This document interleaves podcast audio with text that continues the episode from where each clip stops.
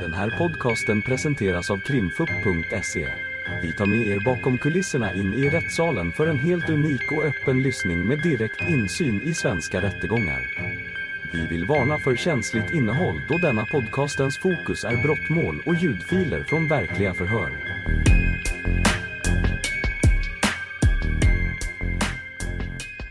Absolut. Och då är det förhör med Eva Rudd. Varsågod åklagaren. Tack, jag är Eva Rudd, Peter Claesson här. Du, jag att du ska höras i anledning av iakttagelser och göranden i tjänsten som rättsläkare då. Och Ja. Jag vet att du har varit på brottsplatsen i Vallentuna den 8 september och sen har du då företagit då, om jag förstår det rätt, då, obduktion beträffande en flicka som heter Duru som är 13 år. Och sen har du också utfärdat rättsintyg beträffande en pojke som heter Yaman och dessutom också rättsintyg beträffande en kvinna som heter Basak. Det stämmer delvis. Eh, Jag var på platsen och jag utförde obduktionen på Duru men rättsintygen på pojken och den äldre kvinnan har en kollega till mig som heter Rasmus Möllby gjort. Eh, Men i och med att han är ST-läkare så har jag varit den seniora rättsläkaren som har stått bakom honom så jag har kontrasignerat dem men jag har inte gjort själva undersökningen själv. Okej.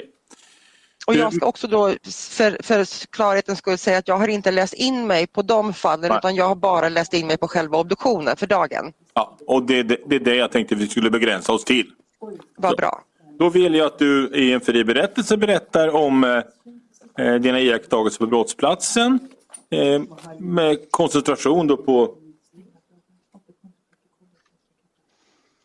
Kommer det finnas behov av att gå igenom så detaljerade uppgifter och då är det, eh, och då är det ju bilderna som var det som vi skulle ha fortsatt sekretess beträffande, inte när det gäller uppgifterna i övrigt. Ja, så hade jag tänkt Så, också. så det, det har vi redan pratat om sedan tidigare. Så att, utan jag tror inte att det, så länge det inte förevisas några bilder är det inga problem. Nej, eh, så har jag tänkt faktiskt också. Varsågod då. Tack. Ja men Eva Rudd, då jag egentligen vill höra dig berätta för oss om dina iakttagelser på, på, på den eh, unga kvinnan då i, i Vallentuna. Vilka iakttagelser du gjorde där. Eh, vilka slutsatser du drog därvidlag. Sen utifrån obduktionen. Och det jag är inte såklart intresserad av vad som har orsakat döden eller om det finns flera saker tillsammans eller var för sig. Och även dödstidpunkt. Och vad man kan säga om det. Och om du får gärna berätta själv, varsågod. Ja, tack. Eh, jag blev utringd då i egenskap av eh, rättsläkarjour. Den här dagen så kom det ett samtal klockan 11 om att man hade eh, en brottsplats ute i Vallentuna där man hade hittat en avliden ung kvinna och där det även fanns en yngre pojke och en äldre kvinna som inte var kvar på platsen. Så jag åkte då ut till eh, den här villan eller huset som det då rör sig om. Eh, och när jag kom dit då hade polisen varit där, det var avspärrat, kriminaltekniker var där. Eh, jag gick in genom en, eh, men en glas, en balkongdörr som, som var sönderslagen som jag fick höra att polisen hade slagit sönder för att ta sig in i, i bostaden. Eh, och då är det en tvåplansvilla och på botten på entréplanet då, eh, in till höger så finns det ett sovrum och i det sovrummet ligger då en ung kvinna i sängen eh, avliden. Eh, hon är delvis klädd, hon har på sig en, ett linne och en t-shirt och ett par trosor och så ligger hon under täcket i sängen. Eh, och i sängen så är det rikligt med vad som antas vara blodbesudlingar. Eh, hon har en, vad jag kan se då, en sårskada på halsen och rikligt med blod på halsen och runt huvudet. Eh, jag tog en kroppstemperatur på henne och jag tog ögonvätska på henne och beräknade då dödstidpunkten till samma morgon. Eh, någonstans på, på morgonkvisten runt, jag ska titta efter, mellan 24 och 6 på morgonen. Eh, svårigheterna med att beräkna en dödstidpunkt eh, på någon som är utblödd är att jag baserar ju den på, på kroppens värme. Hur varm är kroppen i förhållande då till omgivande temperatur? Eh, en stor del av värmen i kroppen bygger på att man har blod och om blodet har försvunnit så kan det lite grann försvåra bedömningen av dödstidpunkten. Så det här är en uppskattning att hon har avlidit någon gång där samma morgon. Eh, och då ligger den punkten på då 03.40 till 6 med ett intervall upp till 08.45 den 8 september i år. Eh, närmare än så kan jag inte komma. Det, det, det, går inte utan det blir en bedömning att det är någonstans omkring har hon avlidit. Okay. Eh, mm. Sen lämnar jag platsen, eh, åker då tillbaka till jobbet eh, och gör sen då obduktionen på henne eh, den 12 september. Eh, och då görs den obduktionen eh, som ett tvåläkarförfarande och det är det förfarandet som vi alltid har när det är ett misstänkt mord. Eh, och då är, det, då är vi alltid två läkare, en som gör obduktionen men jag visar upp alla fynden som jag har gjort under obduktionen för min kollega Sergej Janikin som då också har skrivit på det här. Eva Rudd, jag måste be dig prata lite tystare, lite långsammare. Därför att långsammare. vi har en tolk som ska hinna med också. Ja, jag förstår, jag förstår. Var, var ska jag, vart, vart ska Så bara jag börja? lite allmänt långsammare helt enkelt. Ja, okej. Ja. Eh, men obduktionen gjordes då den 9 september eh, som ett tvåläkarförfarande med två specialistläkare i rättsmedicin, jag själv och Sergej Janikin. Jag får nästan, det är så svårt att veta när jag ska fortsätta när jag bara Om- ser Om åklagaren. du bara tänker att du tar det lite lugnt, Ja, samma Eh. takt som du hör mig i ungefär. precis. Eh, på obduktionen, det här, hon, hon var ju en frisk eh, ung kvinna. Jag hittade inga sjukliga förändringar eh, i hennes inre organ eh, och då undersöker jag hjärta, lungor, eh, alla kärlen, stora kärlen i kroppen, njurar, lever, bukspottkörtel, mag-tarmkanal. Allt det såg friskt ut. Det hon hade eh, som, som då stack ut på obduktionen det var att hon hade en ligatur runt halsen. Tar vi lite lugnare nu. Ja, En ligatur, vad är det? Eh, en, en eh, åh, hur ska jag förklara det här? Ett, ett, ett, ett rött märke runt halsen som om någon har tagit eh, ett tunt tygstycke eller ett skosnöre eller någonting tunt och virat det runt halsen. Hon hade ett rött märke som gick ett varv runt halsen. Okej.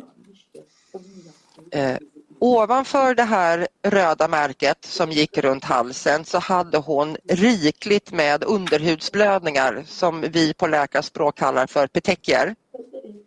Ta det där en gång till. Eh, Ni, ka- ni rättsläkare kallar... petekier Mm eller, eller punktformade underhudsblödningar.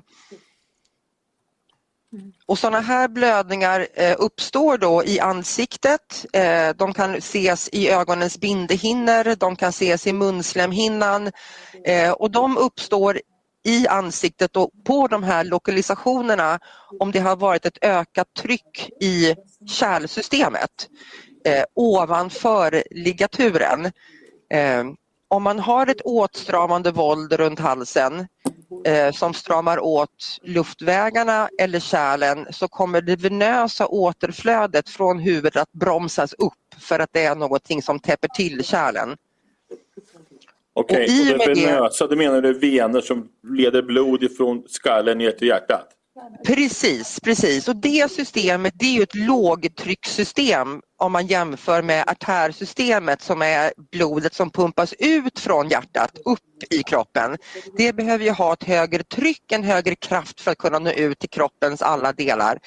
Eh, Medan det venösa systemet då som för blodet, det syrefattiga blodet tillbaka till hjärtat, det är ett lågtryckssystem och de kärlen är mycket, mycket tunnare och kan därmed då mycket, mycket lättare komprimeras om man på något vis klämmer åt halsen med handen eller med ett snöre eller en sjal eller ett skärp eller vad det nu än må vara. När den här tryckökningen sker så kommer då de små, små kärlen i ansiktet, i ögonens bindehinnor och i munslemhinnan att brista. Och den bristningen ser man som de här punktformade blödningarna som sågs då på Duru vid obduktionen.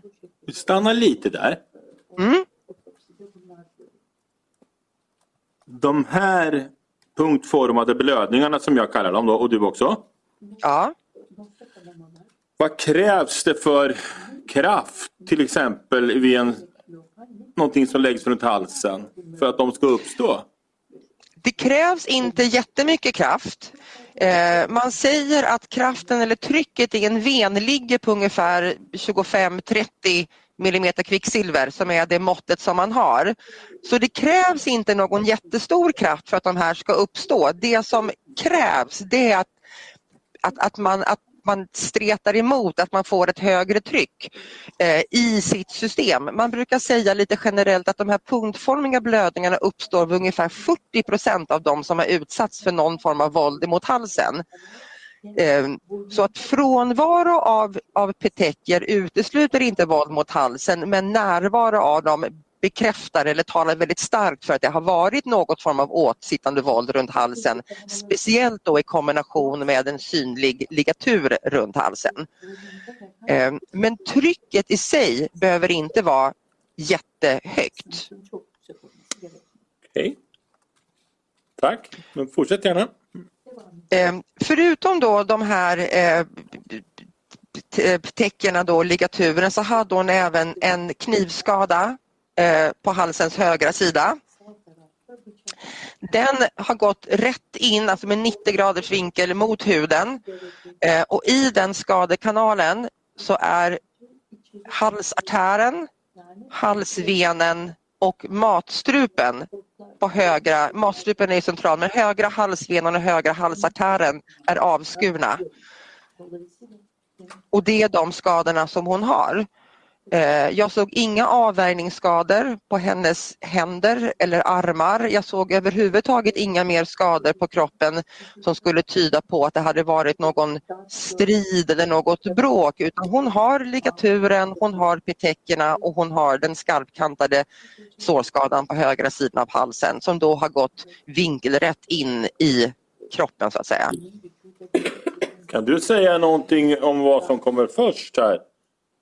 Ligatur och punktformiga blödningar eller stickskada? Jag kan spekulera lite utifrån skadebilden att, att i och med att hon inte har några avvärjningsskador eller några skador som tyder på att, att, att det har varit något bråk så har jag spekulerat i att ligaturen och strypningen har kommit först eh, och att knivskadan har kommit sen eh, utifrån då att, att, att förutsättningen att man har försökt ta bort kniven eller värja sig från kniven, då brukar man se skarpkantade skador kanske i händerna eller att det har rispat till någonstans i området eller, eller i ansiktet och det såg jag inte utan det var en ren knivskada utan någonting omkring. Så, så, så teorin och bedömningen är att strypvåldet har kommit först och sen har knivskadan kommit sen. Men det är en bedömning.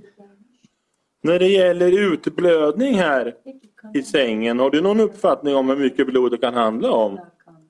Jag har inte det. Det är svårt med sängen för en säng och, och, textilier och madrasser kan ju svälja otroliga mängder blod.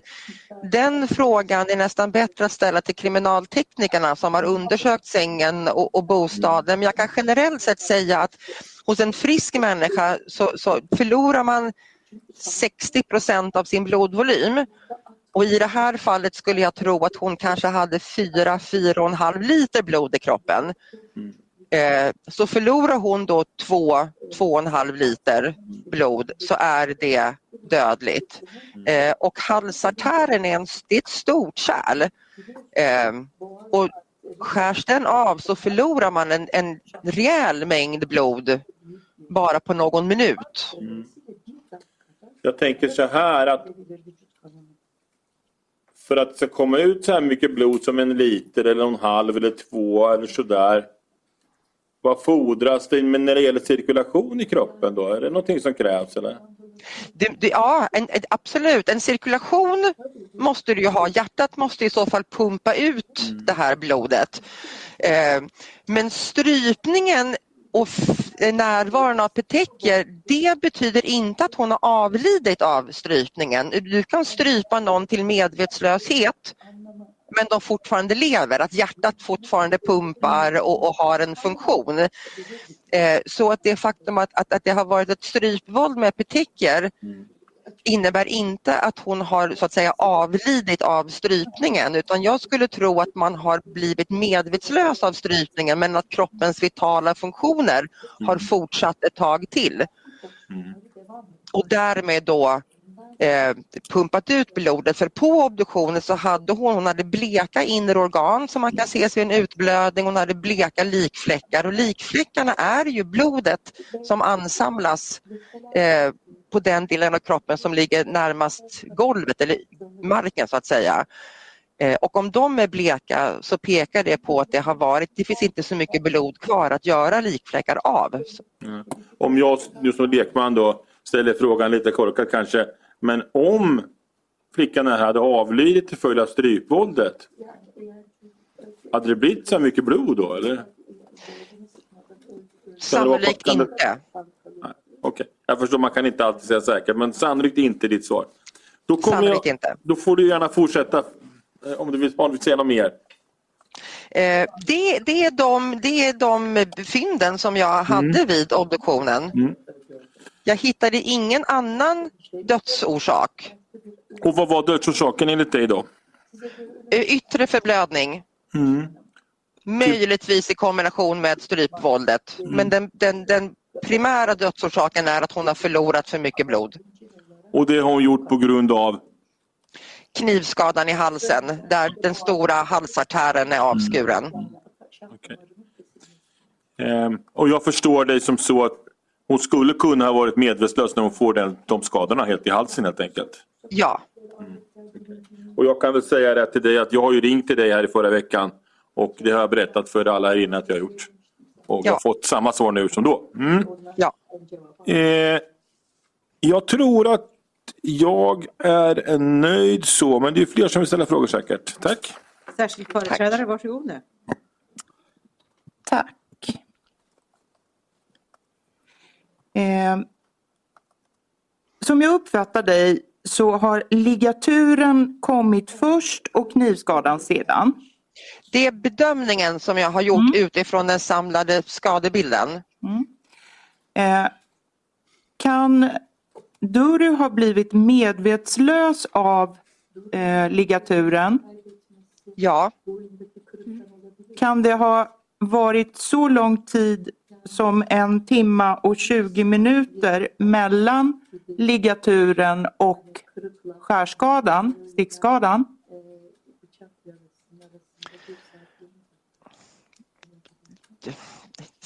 Mm, Sannolikt nej.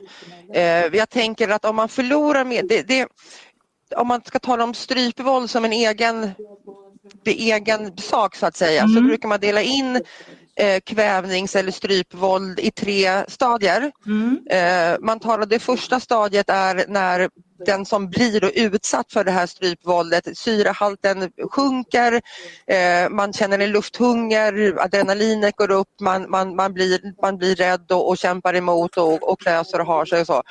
Nästa stadie kallas för konvulsionsstadiet och i det stadiet så förlorar man medvetandet. Eh, från det stadiet så kan man spontant återfå medvetandet. Mm. Man kan också från det stadiet avlida Ja. eh, och då kallar man det här för the point of no return. Eh, och sen kommer då det terminala stadiet om man avlider. Det förefaller osannolikt att hon skulle vara medvetslös av strypvåldet i över en timme Mm. eh, och fortfarande så att säga vara vid liv med en pågående eh, cirkulation och inte ha vaknat till för att sedan bli Eh, knivskuren i halsen utan jag tror att de här har kommit i någorlunda närhet av varandra men jag kan, inte, jag kan inte säga om det är en, två eller fyra minuter men att det skulle röra sig om 90 minuter eller drygt 60 minuter det förefaller osannolikt. Mm. Anledningen till att jag frågar det är därför att vi har en tidslinje i den här utredningen. Eh, och då kan man se att det har... Eh, in, man kan inte se att flickan har rört sig men i alla fall så har, det, har hennes mobiltelefon rört sig. Eller det Ja. har varit någonting som har aktiverat hennes mobiltelefon. klockan 03.23. Mm. Och sen ser man att nästa aktivitet på mobiltelefonen är 04.41. Ja, Och då har du sagt att dödstidpunkten eh, det är någonstans mellan 03.40 eh, och eh, 08.00 eller 06.00.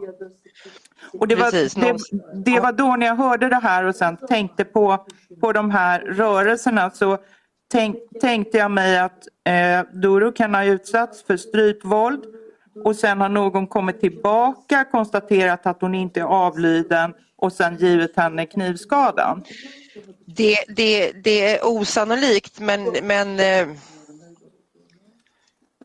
helt omöjligt är det väl inte men det Nej. förefaller inte helt alltså, ur ett medicinskt perspektiv eh, sannolikt. Är det ur ett medicinskt perspektiv sannolikt att hon har orsakat eh, knivskadan någon gång runt 04.41? Alltså någonstans mitt emellan 03.40 och 6? Jag kan inte svara på det. Eh,